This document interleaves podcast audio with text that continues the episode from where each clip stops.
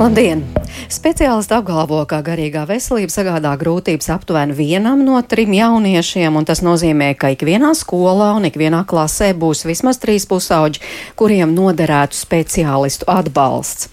Pētījumi rāda, ka pandēmijas laiks pasliktināja pusauģu labsajūtu, un vai tagad var teikt, ka jaunieši atgūšies un grūtības piedzīvo tikai tie bērni, kuri jau pirms pandēmijas izjūt mentālās veselības traucējumus, to es mērķis notiņš jautāšu studijas viesiem. Un uh, no pusauģa resursu centra pie mums ir vadītāja, arī bērnu psihiatre Anete Masaļska. Labdien! Labdien.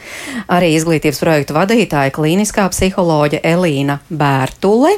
Jā, un arī dzen pa tālruni Valmieras centra pārstāve, psiholoģija, arī kognitīva behaviorālā terapeite Kristīne Kiriloviča. Labdien, ceru, Kristīne, Labdien. dzirdat mūs, Jā, varēsim sarunāties. Dzirdu. Jā, bet kāpēc tā tad pusauģa resursu centrs iemesls, jo veicāt pavisam nesen apjomīgu aptauju, kā šobrīd jūtas pusauģi, kādi ir secinājumi? Nu, mēs sadarbībā ar Merks veicām tad, tad šo aptauju tādā tā kā, projektā Viss sākas no mājām kampaņā. Un mēs gribējām uzzināt, kāda ir ģimenes funkcionēšana, teiksim, jauniešu, jauniešu ģimeņu funkcionēšana, kā viņi jūtas savās, savās ģimenēs. Un kopumā par rezultātiem runājot, kas mums ļoti patīkami pārsteidza, kad principā 75% jauniešu teica, ka viņi savās mājās jūtās ļoti labi. Un līdz ar to tas mums radīja tādu ļoti patīkamu mm, sajūtu par to, ka tad, kad arī pusaudzim būs grūtības, ģimene būs kā resurs kas spēs viņam palīdzēt šīs grūtības pārvarēt.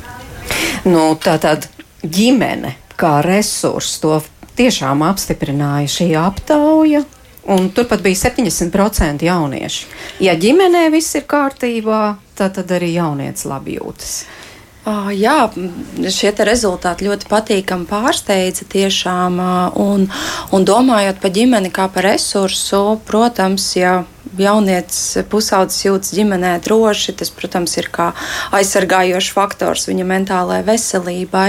Un arī ģimene varētu būt no mūsu pieredzes, skatoties, ka ģimene bieži ir tā, kas pirmā viņu uh, pirmā saskata, ka ir kaut kāda veida grūtības, un, uh, un pieņemsim, atved arī pie mums. Bieži ir tā ģimene, tā kā tas arī var, var skatīt kā resursu, kas pamana pirmais, kur ir, ir grūtības kādas radušās. Nu, interesanti tikai kā jaunietis uztver to. Jā. Labi jūtos ģimenē, jo tur arī vismaz skatoties jūsu aptaujā, tātad tur ir tādi trīs atslēgas vārdi - uzticēšanās, brīvība, laiks vienatnē. Jūs varētu mēģināt ieskicēt, ko pusaudzis ar to saprot un domā. Uh, jā, es varbūt tas laiks vienatnē, tas varētu būt tas, jā, kas, kas bieži patīk. Uh, tā sava telpa, ko pusauģi bieži saka, kas viņiem ir svarīgi.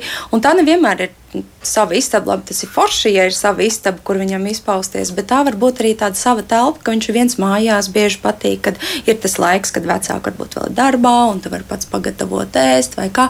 Nu, tādas būt, būt ar sevi. Tas, tas ir bieži tas, ko jaunieši atklāja. Un uzticēšanās, protams, kā Jebkurš no mums, manuprāt, jūtās labi tādās uzticības pilnās attiecībās, un kur, kur vari paust savu viedokli, vari paust, ko domā, un, un ka tev vecāki uzticās. Tas ir ļoti svarīgi. Mm -hmm. Anete, ko jūs te vēl papildināt? Jo tiešām varbūt ir svarīgi arī vecākiem kādreiz mēģināt saprast, ko tas mans pusaudzis īsti domā, labi justies ģimenei. Nu, es domāju, ka šeit ir jāsaprot to, ka arī pusauģu vecumā notiek ļoti normāli procesi. Pusaudzis sāk atdalīties no ģimenes, un tas ir pilnīgi normāli, jo viņš kļūst autonoms. Jo beidzoties pusauģu vecumam, viņš kļūst patstāvīgs, pieņem, spējīgs pats pieņemt lēmumus, un tas ir tas, ko mēs vēlamies. Jo mēs negribam līdz pirmam vecumam savus bērnus redzēt savās mājās. Nu, tomēr mēs gribam, lai viņi veido savu, savu ģimeni, savu vidi un, un, un spēj pieņemt visus nepieciešamos lēmumus, lai normāli funkcionētu funkcionētu. funkcionētu. Un tāpēc tā būšana vienatnē jau arī tas, ka tu sāc kaut kādus pienākumus pildīt, ka tā tāda uzticēšanās no vecāku puses, un, un tas man liekas ir ļoti būtiski tam pusaudzim, ka tiek dota telpa, kurā tu vari būt ar sevi, attīstīt kaut kādas prasmes, piemēram, tur nezinu aiziet uz veikalu, nopirkt, izmazgāt vēļu, satīrīt istabu, piemēram, nu, nezinu, tur kaut kādus atrisināt kaut kādu jautājumu pēkšņi, tur, kas ir aktuāls vai no skola, vēl kaut ko. Un tas ir tā, ir tā vide, kurā mēs dodam viņam kā, to telpu un arī nu, teiksim, tā uzticēšanās. Tas ir ļoti labi, ka tu tevi spēj pieņemt arī tādu ar visiem taviem trūkumiem, un kad, ir, kad tā ģimene spēj tevi saprast tādu, kāds tu esi, un arī pieņemt to, ka ir kaut kādas lietas, kuras varbūt tu neizdari tik forši kā vajag, bet mēs to kā, strādājam kopā un, un attiecīgi tu iemācies. Nu, es te gribētu izcelt vienu teikumu, ko jūs teicāt, vai, vai vārdu kopu.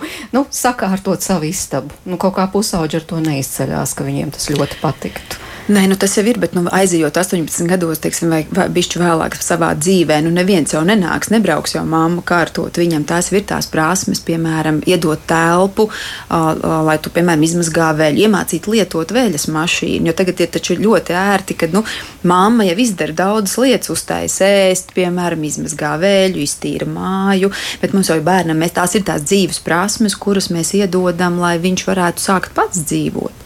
Jā, un lai cik tas paradoxāli neskanētu, arī labāk justies. Protams. It kā viņam tas nepatīk, bet tas viņam ļauj labāk justies. Kristīna grib iesaistīt arī jūs šajā sarunā, jo te izskanēja vēl viens vārds, ko mēs neaprunājam - brīvība. To, ko arī pusauģi ļoti grib brīvību, kā jūs to skaidrotu. Es to skaidrotu no tāda skatu punkta, ka, ja mums bērns, tad, kad viņš ir mazākā vecumā, tad viņš nekritiskāk pieņem visas tās norādes, ko mēs viņam kā vecāki sakam. Nu, mēs viņam pasakam, nedrīkstiet tur, jo tad sekas būs tādas vai, vai, vai būs tas vai šitais.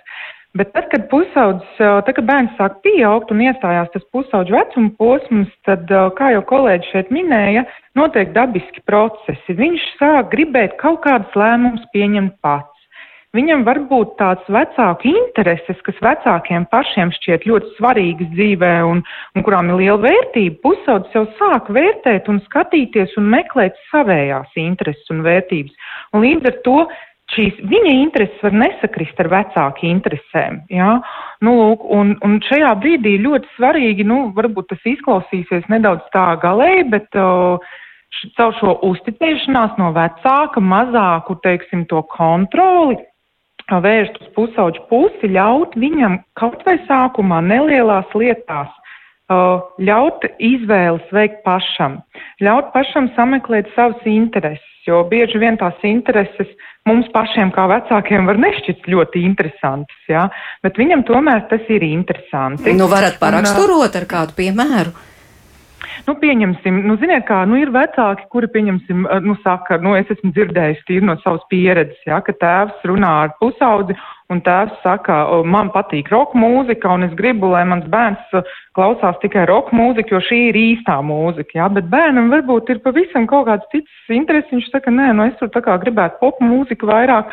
Un, protams, tur var arī notikt ļoti daudz konfliktu mājās, ka bērns un pusauģiem nu, ir raksturīgi paklausīties mūziku pietiekami skaļi nu, kas var, protams, būt traucējuši priekš, priekš vecāka, nu, kā šai piemērā tēva, ja. Nu, bet tomēr nestoties to, nu, bērns, viņš ir atsevišķa personība, un, protams, ka viņam ir atsevišķs arī skatījums veidojās, atsevišķi intereses, jā, un atsevišķi, protams, visas pārējās personības iezīmes. Pat ja viss ir labi ģimenē, vai konflikti ir neizbēgami? Es, es domāju, ka konflikti ir tāda normāla arī sastāvdaļa kaut kādā ziņā, ka caur konfliktu risināšanu apgūst konfliktu risināšanas prasmes, kas savukārt pusaudzim arī bērnam nodara skolā, jauniešu vidū, kad sav, savā ziņā arī konfliktus risināt, iemācās ģimenē kā ģimenē tiek risināta, tā iespējams arī risinās ar, ar vienaudžiem vai kaut kādās citās situācijās. Tā kā, manuprāt, konflikti ir normāla sastāvdaļa. Tā, tā sadaļa, kas būtu svarīga, kā viņi tiek risināti. Nu jā, kā viņi tiek risināti, jo viena lieta ir risināta ar bērnu, kā jūs teicāt, bet otra lieta jau ar pusaudzes. Tur tomēr lielas atšķirības. Jā, un te ir jāreikinās tas, ka ar pusaudzi būs noteikti. Uh, vairāk jāieklausās viņa viedoklī, viņa viedoklis būs skaļāks. Līdz ar to vecākam sanāk drusciņi pārorganizēties uz to, ka, ja bērnam konfliktā iespējams nu, strādāja tas, ka es pasaku, nebūs tā, savukārt ar pusaudzi ir jāpieņem tas, ka viņam jāveidojas savu jau personību, savus viedoklis, un vecākam būs vairāk iespējams jāpieņem solis atpakaļ un jāieklausās, kas tad ir tas, ko viņš mm, prasa šajā un kāda ir viņa vajadzība šajā konfliktā. Vai vecākam izdodas, tas ir viegli, jo Elīna jūs arī vadāt tādus kursus vecākiem, kā tur labāk tikt galā ar tiem pusauģiem, un droši vien vecāki arī stāsta uh, tās dzīves situācijas, ar kurām ir grūtāk. Protams, protams, un vislai, visvairāk laikam ir tas grūtākais pieņemt to, kad, kad, kad ir izmaiņas, ir pārmaiņas. Ir tas, ka jā, sā, sācis pusaudzis iespējams ir iestāties, nestrādā vecās metodes, kas iepriekš strādājas, un vecākam ir grūtāk. Tā, kā, tā grūtība ir tā pārorganizēties, bet skatos to, ka vecāki ir ļoti ieinteresēti un viņi tiešām grib, un, un viņi ir pietiekami labi vecāki, kas ieklausās un mēģina vismaz. Man, manuprāt, tas svarīgākais solis, ka mēs mēģinām kaut kā citādi, ja tās vecās metodas nestrādā. Nu, tā tad citādi, kā jūs sakāt, ieklausīties, mm -hmm. respektēt. Varbūt nu, vēl es, kādu papildinājumu. Es domāju, ka šeit arī būtiski saprast to, ka um, ar bērniem, kā jau kolēģi minēja, mēs ļoti direktīvi diezgan ar maziem bērniem. Tu darīsi tā, tu darīsi šitā, man vajag, lai būtu tā. Tad ar pusaudzi, principā tas, ko es arī saku saviem pacientiem, parasti ir jāsāk runāt kā ar kolēģi. Tu vairs nevari viņam direktīvu pateikt. Viņš jau vienkārši pasakā, nē, es to nedarīšu. Un tas iedzen visus tos sarunas trūkceļā. Jo tad, kad tu mm, atspoguļo vecākam to, ka jūs kolēģim arī nekliedzat uzreiz virsū par to, ka viņš kaut ko atsakās darīt vai, vai, vai, vai negrib tik ātri darīt, jūs arī mēģināt sarunāt. Un ar pusaudzi ir jāsaprot to, ka um, tās attiecības radās tad, ja jūs mēģināsiet sarunāt. Nu, piemēram, teiksim, ar Juzu, bet lai viņš sakārtu istabu sitienu, pusaudzis pasakā, nē, es to nedarīšu. Tad, tad nākamais, ok, bet, nu, kā, lai būtu kārtība, mums vajag, lai tu to izdari. Kad es varu gaidīt to, ka tu to izdarīsi? Es saprotu, to, ka tu tā momentā varbūt spēlē spēli vai, vai es nezinu, skaties filmu, un tev nav laika tam. Mēģināt vienoties par kaut kādiem laika rāmjiem, jo, nu, jebkurā ģimenē ir kaut kādi noteikumi un citas lietas, un mums ir jāsāk respektēt to, ka viņš var mums pateikt, nē, viņš var pateikt, viņš kaut ko darīs vēlāk, vai viņš to darīs savādāk, un tā jau ir tā māka, tais attiecībās, nu, saglabāt tās labās attiecības attiecības, caur diskusiju un, un iemācīties mums kā vecākiem, nu, un arī dot to telpu tai, tam dialogam. Jo skaidrs, ka reizēm tas pusaudzis pateiks kaut kādas tik absurdas lietas, bet, ja mēs uzreiz teiksim, nē, nu, tu pilnīgi gal, galīgi garām domā, nu, tas atkal iedzīs kaut kādu to sarunu strupceļā. Mēs varam dalīties ar savu pieredzi, mēs varam uzklausīt, ko viņš saka, un, un kā mēs varam nonākt līdz kaut kādam kopējam lēmumam par kaut kādām lietām. Mm -hmm. Bet, nu, droši vien arī sarunās un, un diskusijās ar pusauģiem ir kaut kaut kādas robežas, kur arī jūs kā speciālists sakāt, stop, nu šito gan tagad. Tas jau ir pāri robežām. Nu, Tur jau ir vienmēr tās tēmas, piemēram, arī par pīpēšanu, par, par kaut kādu alkohola lietošanu, nu, protams, par seksu, piemēram. Nu, šīs ir tās tabū tēmas, kas vecākiem, man liekas, ļoti grūtas. Nu, mēs neviens negribam dzirdēt, ka mūsu bērni tur, nezinu, 15 gados sāk smēķēt vai, vai ka viņi nu, tur piedzērušies. Nu, bet tās ir lietas, par kurām mums ir ar jauniešiem jārunā, un tās ir tādas kutelīgas. Nu, bet mēs nevaram, protams, ka mēs varam kā vecāki atspoguļot to, kādas ir tās potenciālās emocionālās sekas, kas tev būs, nu, ka tev tur būs slikti, ka, ko tas var izdarīt tavai veselībai, ka tev ir tiesības pateikt, nē, nu, mums ir ar jauniešiem par to jārunā. Nu, tur nav cita varianta. Mm, jā, bet tikai jautājums, kā saglabāt to mieru, mierīgo runāšanu šajās situācijās. Nu. Var jau runāt, bet tur neieklausās tevī. nu, bet attiecības, diemžēl, ir jāveido jau līdz pusauģu vecumam. Pusauģu vecumā veidotas attiecības arī īsti nu, mēs varam veidot, bet tie vecāki, kas jau uh, um, laicīgi ir veidojuši ar bērniem labas attiecības, um, tad tas tomēr tas pusauģu vecums norit mierīgāk. Piekrītat, Kristīne? Jā, viennozīmīgi piekrītu.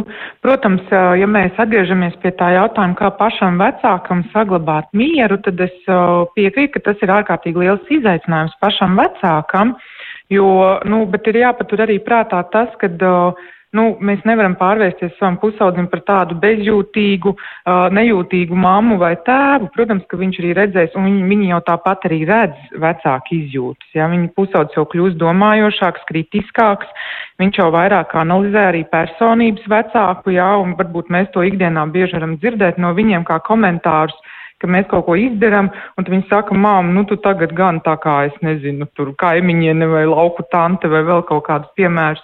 Nu, lūk, un līdz ar to arī, protams, ka viņi ļoti daudz arī, nu, saprot, kas notiek arī mums, bet, uh, bet viena no lietām ir, uh, kā es saku, uh, Tad, kad tev mājās ir pusaudzis, tad ir pienācis tāds uh, uh, kārtīgs laiks, tāda mācību stunda vecākam sāk pieskatīt arī sevi. Jā, jo tā, lai tas tev, teiksim, tavi darbi ir kopā ar to, ko tu saki. Jā, man liekas, tāds ārkārtīgi banāls piemērs, varbūt, kas ir dzirdēts arī sabiedrībā, nu, ka mēs nevaram bērnu iemācīt nesmēķēt, ja mēs paši to uh, daram ikdienā blakus viņam esot. Ja? Un tad, tur, protams, ir ļoti liela loma tieši tādām sarunām un arī izskaidrojošām sarunām. Un, uh, un ārkārtīgi liela, loma ir arī tam, ka mēs dalāmies ar bērniem arī ar savu pieredzi, ka mēs nepozicionējam sevi kā visu varošu, visu zinošu. Nu, tagad es tev pateikšu, nu dari tagad tā, nu tici man, dari tā. Nē, nu, tas bieži vien nestrādā. Un mēs varam pastāstīt, klau, zini, man arī kādreiz bija tā, un tad es darīju tā. Uh, nu, tu vari padomāt, varbūt tev šis arī noder, un varbūt mēs varam kopā pasēdēt, kā darīt. Jā, līdzīgi, teiksim, kā jau kolēģi minēja, nu, kad veidot šo sadarbību caur sarunām, kā ar savu kolēģi, Jā, aicināt arī klausītāji iesaistīties mūsu sarunā. Trīs lieliski speciālists no pusauģu resursu centra ir ģimenes studijā gatavs atbildēt arī uz jūsu gan komentāriem, gan jautājumiem. Un, piemēram, Zane tomēr lūdz precizēt šīs sarunas gaitā, kad tad īsti sāks pusauģu vecums. Agrāk uzskatīja, ka tas sākās apmēram 13, 14 gadu vecumā. Šobrīd viedoklis, ka tas sāks jau 8 gadu vecumā. Ko jūs nu, teiktu? Nu, es teiktu, ka tāds prepusauģu vecums ir 10, 10 11 gadi, un tad no tādiem 12 es teiktu, ka jau ir tāds kārtīgs pusaudzis. Bet tas arī jāstāsta individuāli pēc katra cilvēka teiksim, tās nobriešanas. Citam tas iestājas ātrāk, tu ietekmē dažādi vidas faktori, ģimenes faktori un citas lietas. Citu savukārt tīri var arī tas pusauģu vecums nedaudz vēlāk iestāties. Jā, tad, tad šodien saruna par pusauģiem un kā rāda aptauja, kuru tikko veids pusauģu resursu centrs, ka pusauģiem ir ļoti svarīgi tiešām gan attiecības ar vecākiem, lai tās būtu, nu, pusauģu izpratnē tādas labas, atbalstošas, gan arī tā vide ir ārkārtīgi svarīga tā atmosfēra, un kas man bija interesanti, ka, piemēram, mājas dzīvnieki, ka tā, tie var ļoti ietekmēt, cik, cik tur tā vide ir pusaudzim labvēlīga vai nē.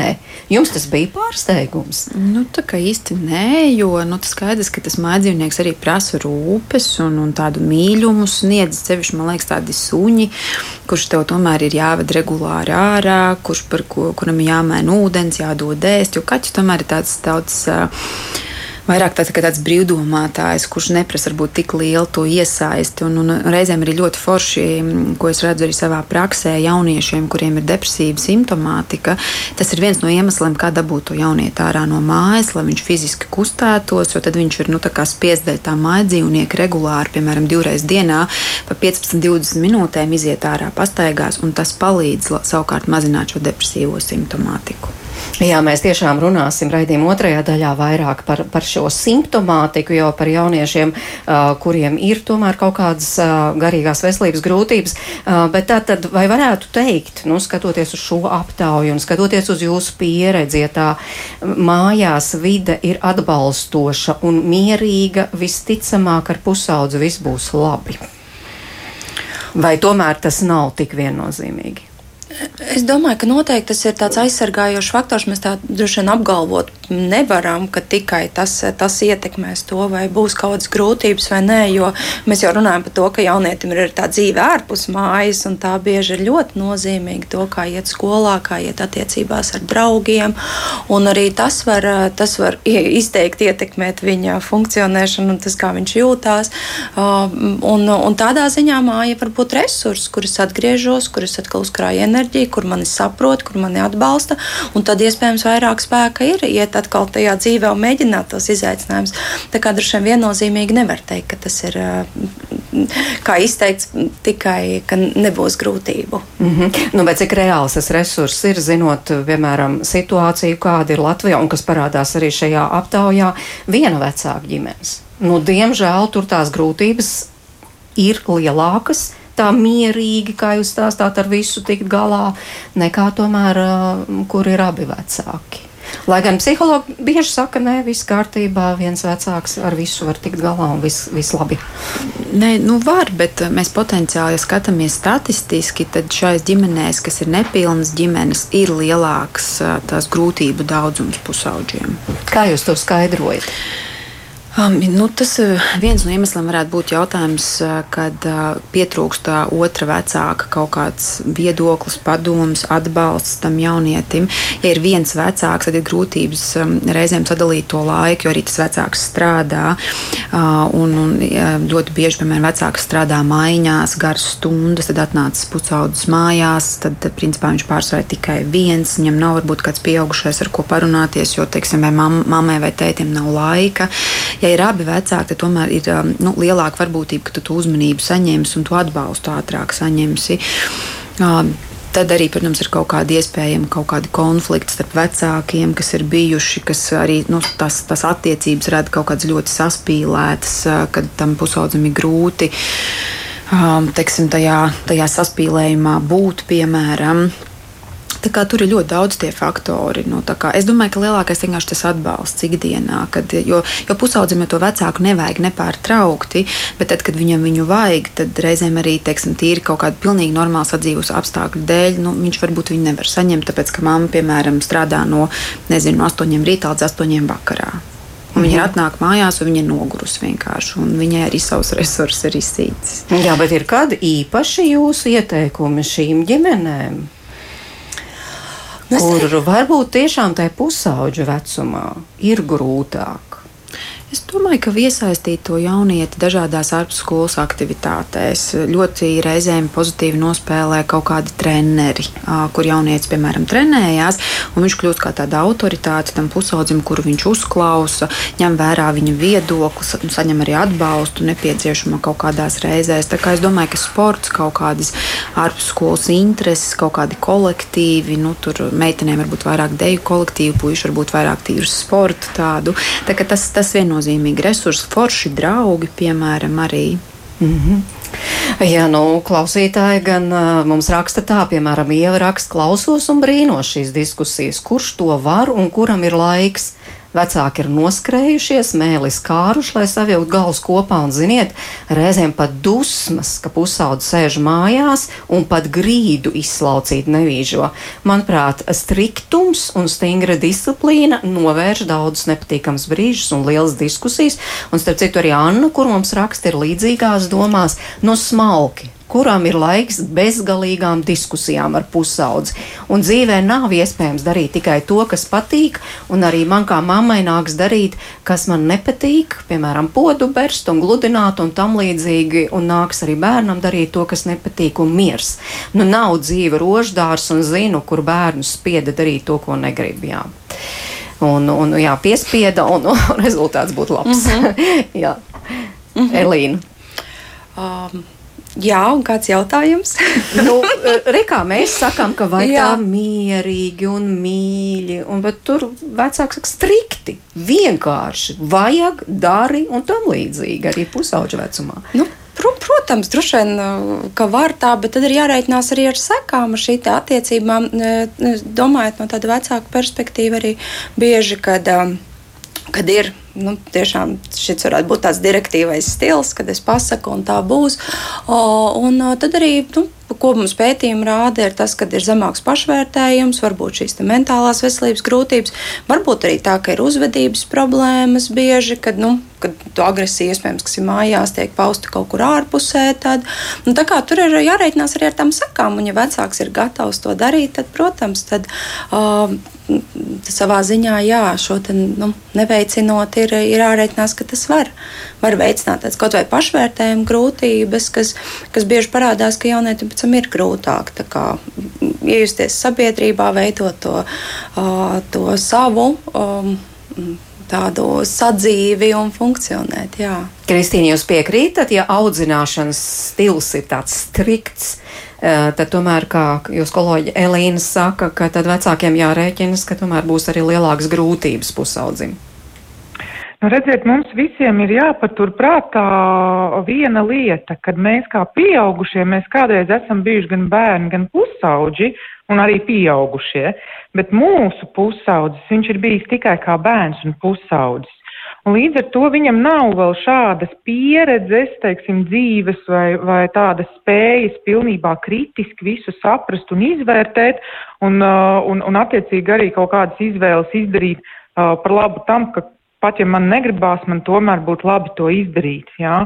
Nu, lūk, jāpatur prātā, es domāju, ka šeit varbūt nevajadzētu krist galējībās nevienā, ne otrā, ka vai nu tagad es runāšu pūkaini un visu viņam atļaušu, vai nu tagad es būšu tāds, nezinu, karavadonis mājās, žandarms, kas tagad viņam skaidrs, striktas norādes pateiks, un viņš, viņam, tas, viņam to būs pildīt, jā. Ka šeit ir jābūt pietiekam elastīgam, jo pusaudzis jau pēc sava vecuma posma, jebkurā gadījumā, viņš tās mūsu uzliktās robežas, viņš viņas mēģinās pārkāpt un pārbaudīt.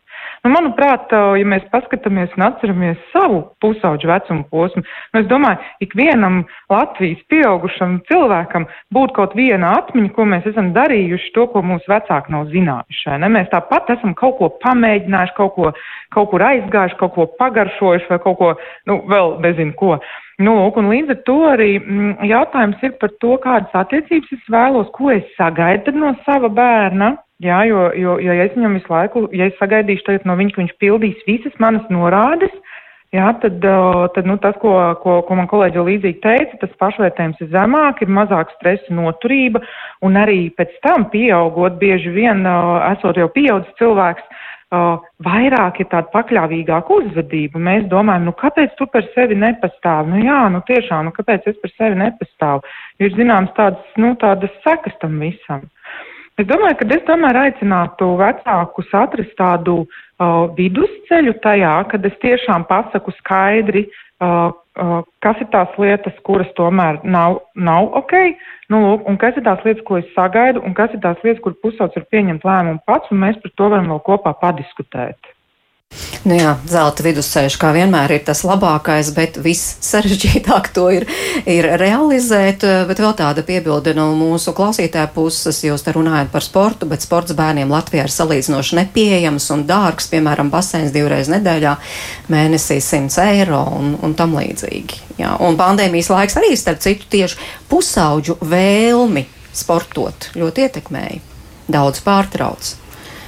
Nu, tas ir kā kurā pašvaldībā, kas tiek līdzfinansēts. Piemēram, tā pati dejošana ļoti daudzās pašvaldībās ir bezmaksas, ir ārā trenižieri pieejami, ir atsevišķi kaut kādas sporta aktivitātes, ko katra pašvaldība atmaksā. Nu, ne jau viens baseins, ir cits pašvaldības, kur, piemēram, skolniekiem ir bezmaksas peldēšana. Tas, nu, tas ir jāstāsta katrā pašvaldībā nu, individuāli. Tur, tur nevar tādu viennozīmīgi atbildi pateikt. Ir kaut kāds konkrēts grozs, ko katra pašvaldība atmaksā jauniešiem. Tā kā, ja tur ir ģimenē grūtības kaut kādas ar, um, uh, no finansiālās puses, tad es ieteiktu izvēlēties to, kas ir pieejams. Jo ļoti bieži viegla atlētika, kaut kādas futbola aktivitātes, basketbols, ļoti daudzās pašvaldībās ir sporta skolas, kur ir bezmaksas pieejams sportiskās aktivitātes. Tā kā, nu, skatīties no tā viedokļa. Nu, jā, un, un tad vajadzētu arī skatīties, vai jaunietim tas patīk, nepatīk, grib, negrib, piemēram. Piedāvāt, protams, jo nav jau tā, ka pašvaldībā ir tikai viena, viens vienīgs pulciņš. Nu, reti, kur tas tā,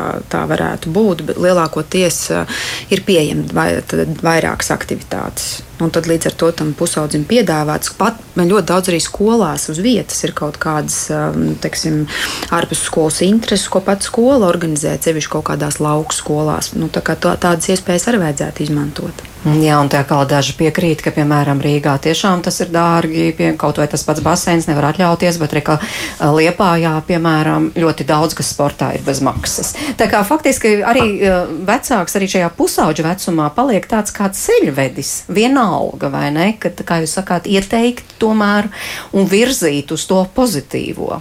Protams. Nu, arī pavisam ikdienišķās lietās, tur sakārtot, piemēram, savu dienas režīmu, kas atkal ir daudziem gandrīz neiespējamā misija, domājot par pusaudzi, vai lai viņš veselīgi ēd un tam līdzīgi.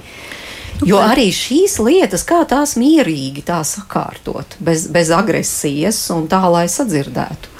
Nu, šeit arī nu, teiktu, tāds vidusceļš, jo skaidrs, ka uh, arī hamburgers uh, un frī kartupeļi ir garšīgi. Nu, bet ir jautājums atkal, nu, teiksim, par, veselīgas ēšanas principiem. Ja mēs to ēdam, es nezinu, reizi divās nedēļās, tad tam pusaudzim nekas no nu, tā ne, nebūs slikts.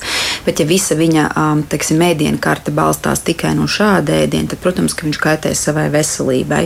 Ēšanas principus ļoti daudz mēs ieliekam ģimenē, kā mēs vispār paši ēdam, un ko tad attiecīgi arī pusaudzis, nu, tad arī tā arī ēdīs. Ja mēs ģimenē ēdam daudz gan salātus, gan, gan dažādu veidu gaļas, gan mums ir liela izvēle, tad tur, tur nebūs problēmas ar sabalansētu uzturu jauniešiem. Jā, Jā es gribētu pievienoties par, par visu, domājot par vecāki bieži kā, um, griežās un ir satraukti par dažādām grūtībām, kaut vai par pašu dienas režīmu, ēšanu, fiziskām aktivitātēm. Un, uh, un vecākam bieži jābūt kā piemēram šajā visā, paskatīties, ko es pats ēdu, kā es pats struktūrēju savu ikdienu, kā es pats tiek galā ar stresu. Kad Kristīna ļoti labi pateica man kolēģi par to, kad, kad pusaudzis sāk vērot ko mēs paši darām. Tāpēc arī šajās lietās ļoti svarīgi, kad vecāks varbūt pirms sāk kā, domāt par to, ko man tagad darīt, paskatīties drusciņu uz sevi, vai tiešām vai es veltu pietiekam laiku fiziskām aktivitātēm, vai es varu būt kā piemērs viņām. Nu jā, bet mēs līdz šim tiešām runājām uh, par tām situācijām, kā maksimāli tomēr uh, palīdzēt pusaudzim justies labi, bet uh, mēs raidījuma turpinājumā atgriežamies pie tā, ka nu, dzīvē nevienmēr ir viss tā, kā mēs to vēlētos. Mēs tiekamies ģimenes studijā.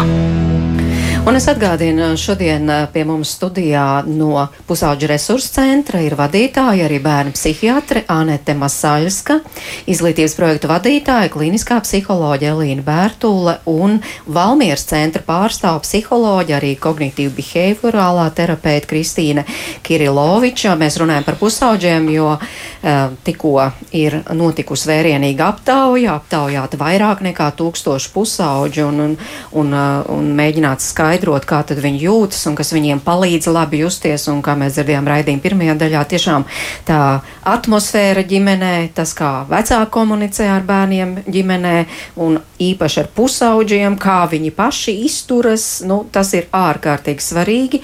Un tad arī pusauģi jūtas labāk un retāk saskars ar grūtībām. Bet tad, kad tika prezentēta šī aptauja, tad arī uh, Liene Dambiņa, kas ir bērnu pusauģu centra resursu vadītāja, atgādināja, ka mūsu centros visā Latvijā, un tiešām tie centri tagad ir ne tikai Rīgā un Liepājā, ir arī uh, Ventspilī, Valmierā, Daugavpilī, Rezeknē un Jelgavā pēc palīdzības gada laikā vēršas vairāk nekā pusotras tūkstotis pusauģu. Anete, jums tas šķiet, tas ir daudz? Nu, es gribētu būt labot, tur ir divi, vairāk kā div, divi tūkstoši, kuriem mēs sniedzām palīdzību 2021. gadā. Tas ir pietiekami liels skaits, bet ir skaidrs, ka tas ir nepietiekams, lai palīdzētu visiem, kam ir vajadzīgs. Kādas ir tās grūtības? Galvenokārt eh, var tā iedalīt, jo tieši uh, pandēmijas laikā ļoti aktualizēja šo jautājumu, un tad arī izskanēja tur trauksme, depresija, un kas uh, pats tāds interesantākais vai kas bija satraucošākais, tā precīzāk būtu teicis, ka tiešām šīs grūtības, šīs mentālās veselības grūtības sākās arī pusauģiem, kuriem līdz tam viss bija labi. Skolā labi, mācījās labi, interešu izglītību un tam līdzīgi sāsināja situāciju. Uh, šobrīd kas ir tās grūtības vispirms? Nu, runājot arī par tiem statistiskiem datiem, es teiktu tā, ka uh, tas, ko rāda tie pētījumi, ka kopumā tiem jauniešiem, kas kā, samērā labi funkcionēja, viņi arī turpināja labi funkcionēt arī, kā, arī pandēmijas laikā. Jo tur ir teiksim, arī visi šie protektīvie faktori. Tev bija draugi, ar kuriem kaut vai uh, online sazinājies, tev bija atbalstoša ģimene, tu arī tev bija fiziskas aktivitātes, struktūrēta diena, tad arī tu normāli spēji turpināt savu to ikdienu. Tas, ko mēs redzējām, un arī to, ko bērnu slimnīca dr. Ļevs Palūņins apkopojas datus, un arī mēs pusauģu resursu centrā, ka tiem jauniešiem, kuriem jau bija kaut kādas grūtības, ļoti strauji palika slikti, un līdz ar to viņu funkcionēšana kritiska kļuva. Tas gan ir to parāda pētījumi. To, ka kopumā nedaudz pasliktinājās tiem jauniešiem, kuriem nebija grūtība, tur tie, tie rādītāji nu, salīdzinoši nav tik ļoti izteikti.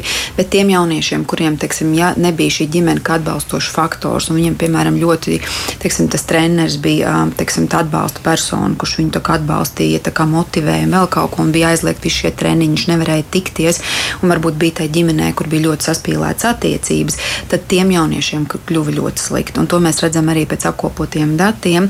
Mēs kopumā redzam arī pusauģu resursu centrā, ka mums zemi un kritiski zemi funkcionējoši jaunieši palielinājās par 35%.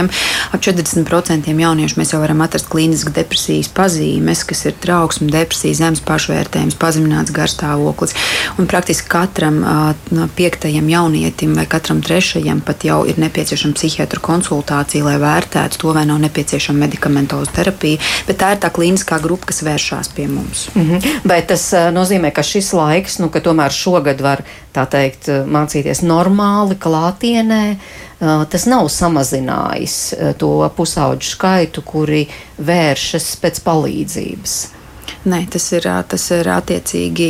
Šis skaits mums turpina ļoti strauji pieaugt, jo bija daļa jauniešu, kas netika līdz šim pakalpojumam, nu, dažādu iemeslu dēļ.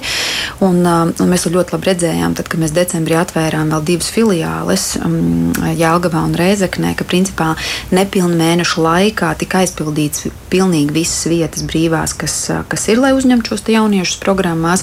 Un, un uz doto momentu mums visās filiālēs ir ļoti garas rindas filiālēs jau. Mm -hmm. Tiešām visās filiālēs tagad jautāšu Kristīnai, jo jūs Valmierā strādājat. Jā, uz šo brīdi arī mums ir izveidojusies uh, vairāk kā 50 uh, pusauģi rindā, kuri gaida uz šo pakalpojumu un, un, un arī turpina gan vecāki, kas ir satraukti, gan arī paši pusauģi sazināties ar mums un, uh, un meklē šīs iespējas, kā saņemt palīdzību. Bet tātad grūtības, kādas ir tās pusauģu grūtības, ar kurām viņi vēršas un grib saņemt palīdzību? Tas, ko mēs esam Valmieras pusē, respektīvi Vidzemes pusē novērojuši, jo pie mums uz Valmieras filiāli vērš ne tikai Valmierā dzīvojušie un Valmieras novadā, bet arī apkārtējo Vidzemes novadu pusauģi. Mēs esam ar kolēģiem faktiski izdalījuši nu, tādas trīs lielākās grupas, ka viena ir šī te ar depresijas simptomātiku, ja, kad uh, pusaudzis ir ļoti uh, ikdienā vairāk tāds nomākts, fiziski pasīvs, viņš ir tāds noslēdzies un klāt ir arī tāds pašnāvības domas izteiktas. Uh, otru varētu minēt kā tādu paaugstinātu trauksmi, trauksmainīgumu un saspringumu, arī tad, kad nav tāda acīm redzama ārēja iemesla, un vairāk pusauģi tā kā min par tādām simptomātikām, kas jau skan tā kā panikas lēkmes, ko viņi piedzīvo. Uh, Un, un, un vēl ko mēs esam tā mm, izgaismojuši, tādas sociālas trauksmes pazīmes, jā, respektīvi pusauģi, kuri piedzīvojuši uh, mobbingu no savu vienauģu puses skolā vai, teiksim, arī tajos pašos, teiksim, interešu izglītības kādos pulciņos, un respektīvi viņiem ir spēcīgas bailes attīstījušās, ko citi padomās, un viņi sāk sevi ļoti ierobežot. Viņi vairāk nedodās uz daudzām lietām, uz skolu dodas ļoti spēcīgi trauksmi, Un viņiem, protams, ir šis jautājums, kā es šo trauksmi varu pārvarēt un kā es varu darīt lietas uh, daudz mierīgāk, jo nu, ir skaidrs, ka trauksme nepalīdz arī mācībās un, un, un, un kaut kādās savās personīgās interesēs. Bet tas nozīmē, ka paši jaunieši tomēr spēj sevi, nu tā teikt, diagnosticēt, jā, saprast, ka kaut kas nav kārtībā. O, jā, es teiktu, ka um, tas, ko dara jaunieši, uh, Uh, viņi ļoti daudz lasa, viņi komunicē viens ar otru uh, caur dažādām telefona aplikācijām, kā mēs zinām, Snapchat, WhatsApp un, un Discord un vispārējais. Un, respektīvi, viņi arī dalās viens ar otru ar tām savām izjūtām, kas no vienas puses patiesībā ir ļoti labi, jo viņi tādā veidā viens otru spēj arī atbalstīt, bet viņi arī reizēm nodarbojas ar pašdiagnostiku. Jā, viņi lasa, un šobrīd jaunieši diezgan labi lasa angļu valodā, un viņi dažādās sociālās uh, saitēs daudz ko atrod, un viņi nāk ar šo jautājumu. Uh, arī pie mūsu speciālistiem, kad uh, es esmu izlasījis, man ir droši vien tas, un kā jūs domājat, vai man tas ir? Nu, protams, kad uh, es vienmēr saku, ka tas ir ļoti forši, ka tu meklē informāciju, jo tas palīdz arī tiešām saprast lietas, kas notiek? Bet, uh, bet nu, tad ķeramies klāt un skatāmies kopā, kas ir un, un ko varētu darīt lietas labā. Uh, bet tas nozīmē, ka jaunieši ne tikai mēģina saprast sevi, bet arī rīkojas, iet pēc palīdzības. Rīkojas. Labā ziņa ir tāda, ka man vienmēr ir ļoti liels prieks dzirdēt no mūsu pusauģiem, kad viņi uh, arī konsultāciju laikā dalās, ka viņi ir redzējuši vai dzirdējuši, kā viņa draugam vai draudzenei šobrīd ir grūti, un balstoties uz savu pieredzi, tad viņi dod viņiem ieteikumus, uh, vērsties arī uz pusauģu resursu centru, jo bieži vien tie draugi, uh, viņi jau nav tikai tajā dzīves vietā, kur tas jaunietis dzīvo, viņi jau bieži vien ir tā, ka viņš arī draudzējās, ar, nu, nezinu, viņš ir Valmierā, draudzene ir Cēsīs, ja, un, un, un viņi tādā veidā dod arī viens otram pat arī padomus un arī ļoti skaidrs tādas pat rekomendācijas, kur vērsties, kur zvanīt un ko varētu darīt lietas labā. Anete, kā jūs to vērtējat? Jo tas iespējams gan ir mainījies, ja salīdzina ar iepriekšējām paudzēm. Jā, protams, un tas mūs ļoti priecē, ka paši pusauģi, un tāpēc arī mūsu šis pakalpojums tika veidots to, ka nav vajadzīga nekāda nosūtījuma, ir vienkārši viens zvans, un ir, ir iespēja pierakstīties uz šo izvērtēšanas konsultāciju, saņemt sākotnējās rekomendācijas, un tad speciālists jau lemj, vai tie traucējumi ir tik nopietni un tā funkcionēšana ir ietekmēta, kad ir nepieciešams sev iesaistīt arī programmā. Tas mūs ļoti priecē katru reizi, kā pusaudzis pazvan pats, mēs par to ļoti priecājamies.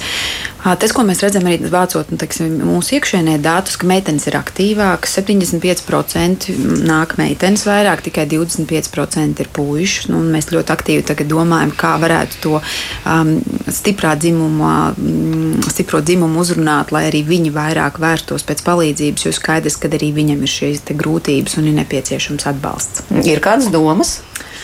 Nu, patreiz mums tādā procesā tas ir uh, mēģināt kaut kāds ar uh, reklāmas cilvēkiem kopā kaut kā uzrunāt vairāk puišu auditoriju vai, vai kopā ar kaut kādiem, nezinu, treneriem izdomāt kaut kādas tādas aktivitātes, kad ir, ir ok arī, kad, uh, kad puisim ir slikti. Vai, nu, es, es nezinu, es tagad minu kaut kādas tādas domas, bet, nu, principā mums ir kaut kādas idejas, ka vajag aktīvāk strādāt tīri to, lai, lai tīri pu, puiši vērstos pēc palīdzības. Mm, jā, bet nu, es pieņemu, ne jau visi jaunieši ir šādi aktīvisti, un tomēr ir arī tās situācijas, ka varbūt arī vecākiem jāpamana, ka kaut kas ar to manējo pusaudzi nav kārtībā. Uh, Elīna, ko jūs ieteiktu? Kas, ko vajadzētu pamanīt, jo te jau mēs runājam tiešām par situācijām, Jā. ka nevis viss kārtībā un mēs visu nogludināsim ar tādām vai citādām, mm -hmm. tur striktām vai mīļām sarunām, Jā. bet ka tiešām vajadzētu iesaistīties speciālistam. Nu, te, te, te būtu laikam jā, tas svarīgi, ka vecāks ir kaut kādā ziņā klātesošs. Jebkurā gadījumā, kad, nu, ja ir tās attiecības tuvākas, tad būs vieglāk pamanīt. Ja viņas ir tālākas, tad iespējams būs ilgāks laiks nepieciešams, lai pamanītu. Bet nu, tas svarīgākais, jā, noteikti tas, ko vecākam būs vieglāk pamanīt, tā būs uzvedība, ka ir mainījusies. Piemēram, tas var būt jā, ka patīk kaut kāda veida aktivitātes un pēkšņi pilnīgi nepatīk. Un vēl ko vecākam ir vieglāk pamanīt, ir pamanīt šo izvairīšanās uzvedību. Tas ir gan pie trauksmes, gan pie depresijas visbiežāk, pieņemsim, ja ir kaut kādas situācijas skolā, pieņemsim, kas sagādā trauksmi, tad, eh, tad grib vairāk izvairīties no viņiem. Tas var būt jā, ka negribās uz skolu iet, vai negribās šos pašus pulciņus apmeklēt eh, kaut kāda iemesla pēc.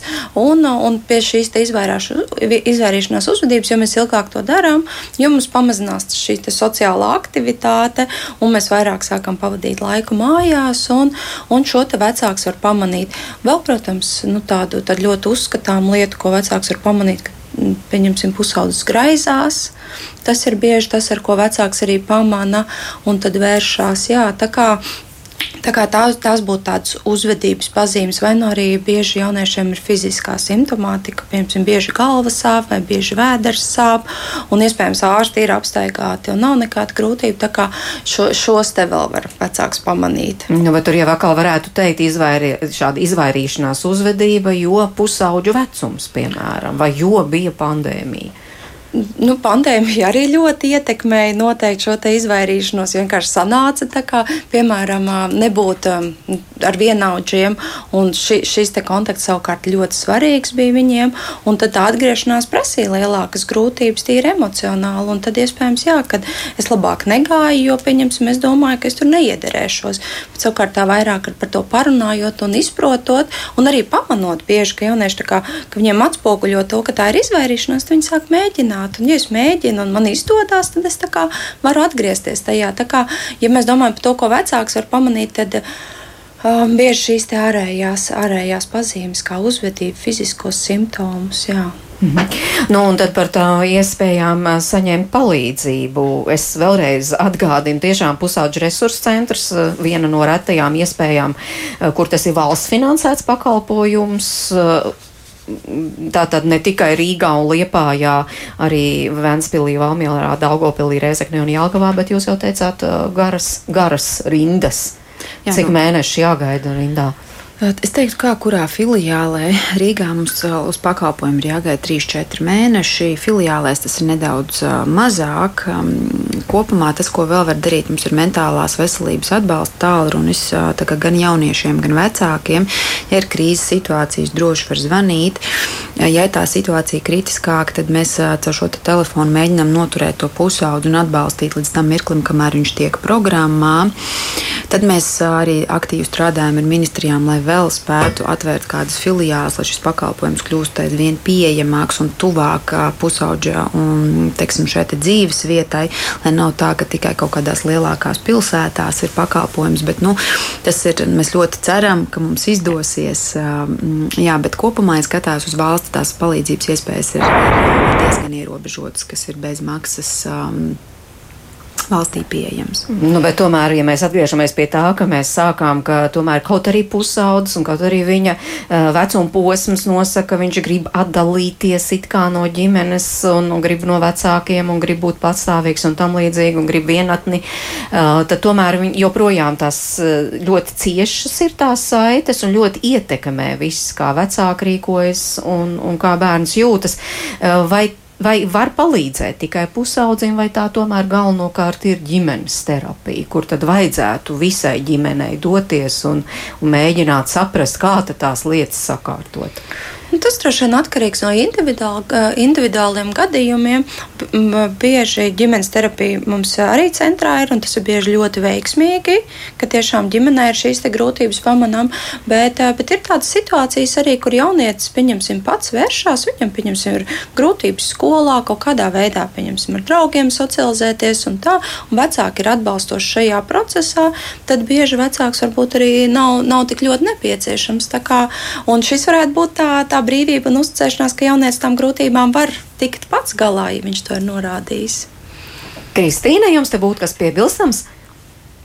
Es varu tikai papildināt kolēģi teikto, ka uh, nevienmēr ir tiešām vajadzīga arī šī ģimenes terapija, jo vecāki arī, arī daudz interesējās, daudz meklē palīdzību, un arī mēs ar viņiem uh, pārunājam uh, gan šo pusauģu, teiksim, mentālo veselību, gan šo procesu konsultēšanas, un kas būtu, teiksim, arī sniedzam ieteikumus.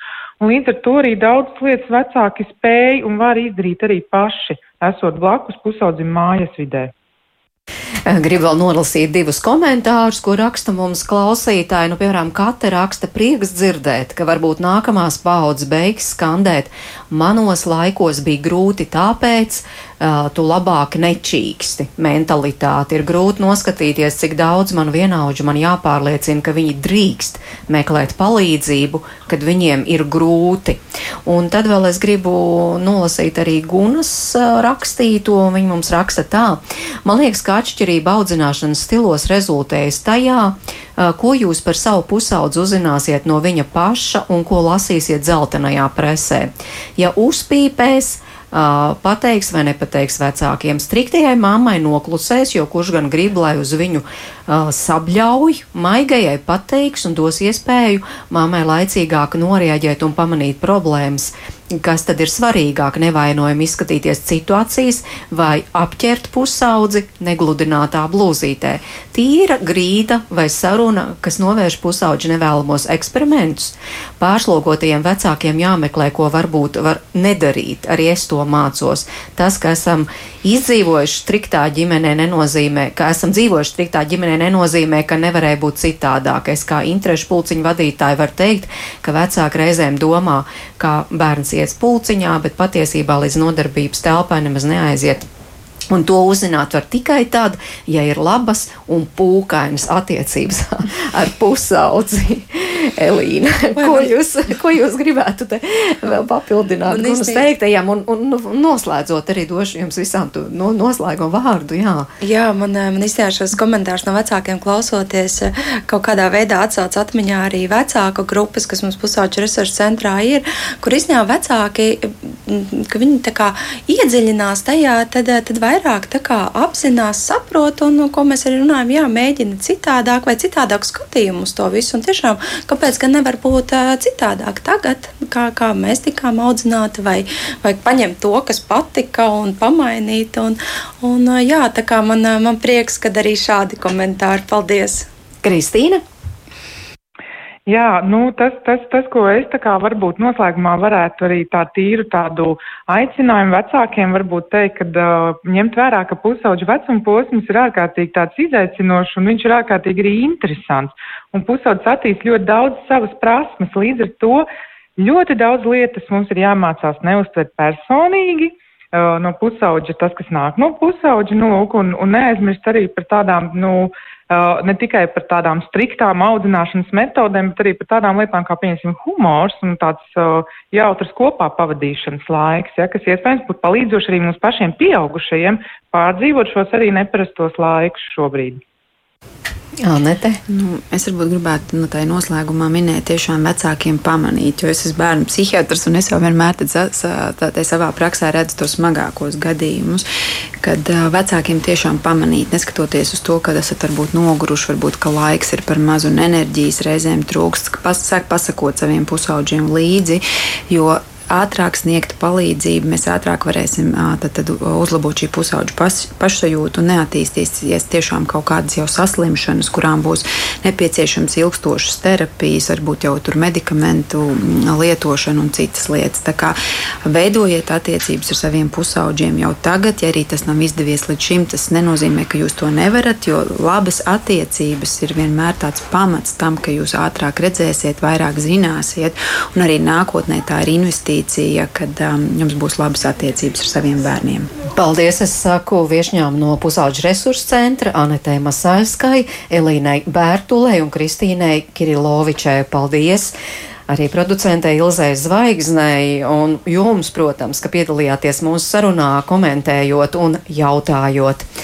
Es Mārītas notiņi gribu atgādināt, ka tiekamies atkal rīt, 5 minūtes pār diviem, un tas būs rītdienas saruna tāds kā turpinājums. Šīs dienas sarunā runāsim par smēķēšanu un pusauģiem, vai tiešām tā ir neizbēgamība, kad ir tās situācijas, kad ne tikai pamēģina, bet arī uh, turpina un kļūst atkarīgi no smēķēšanas un kā to var ietekmēt.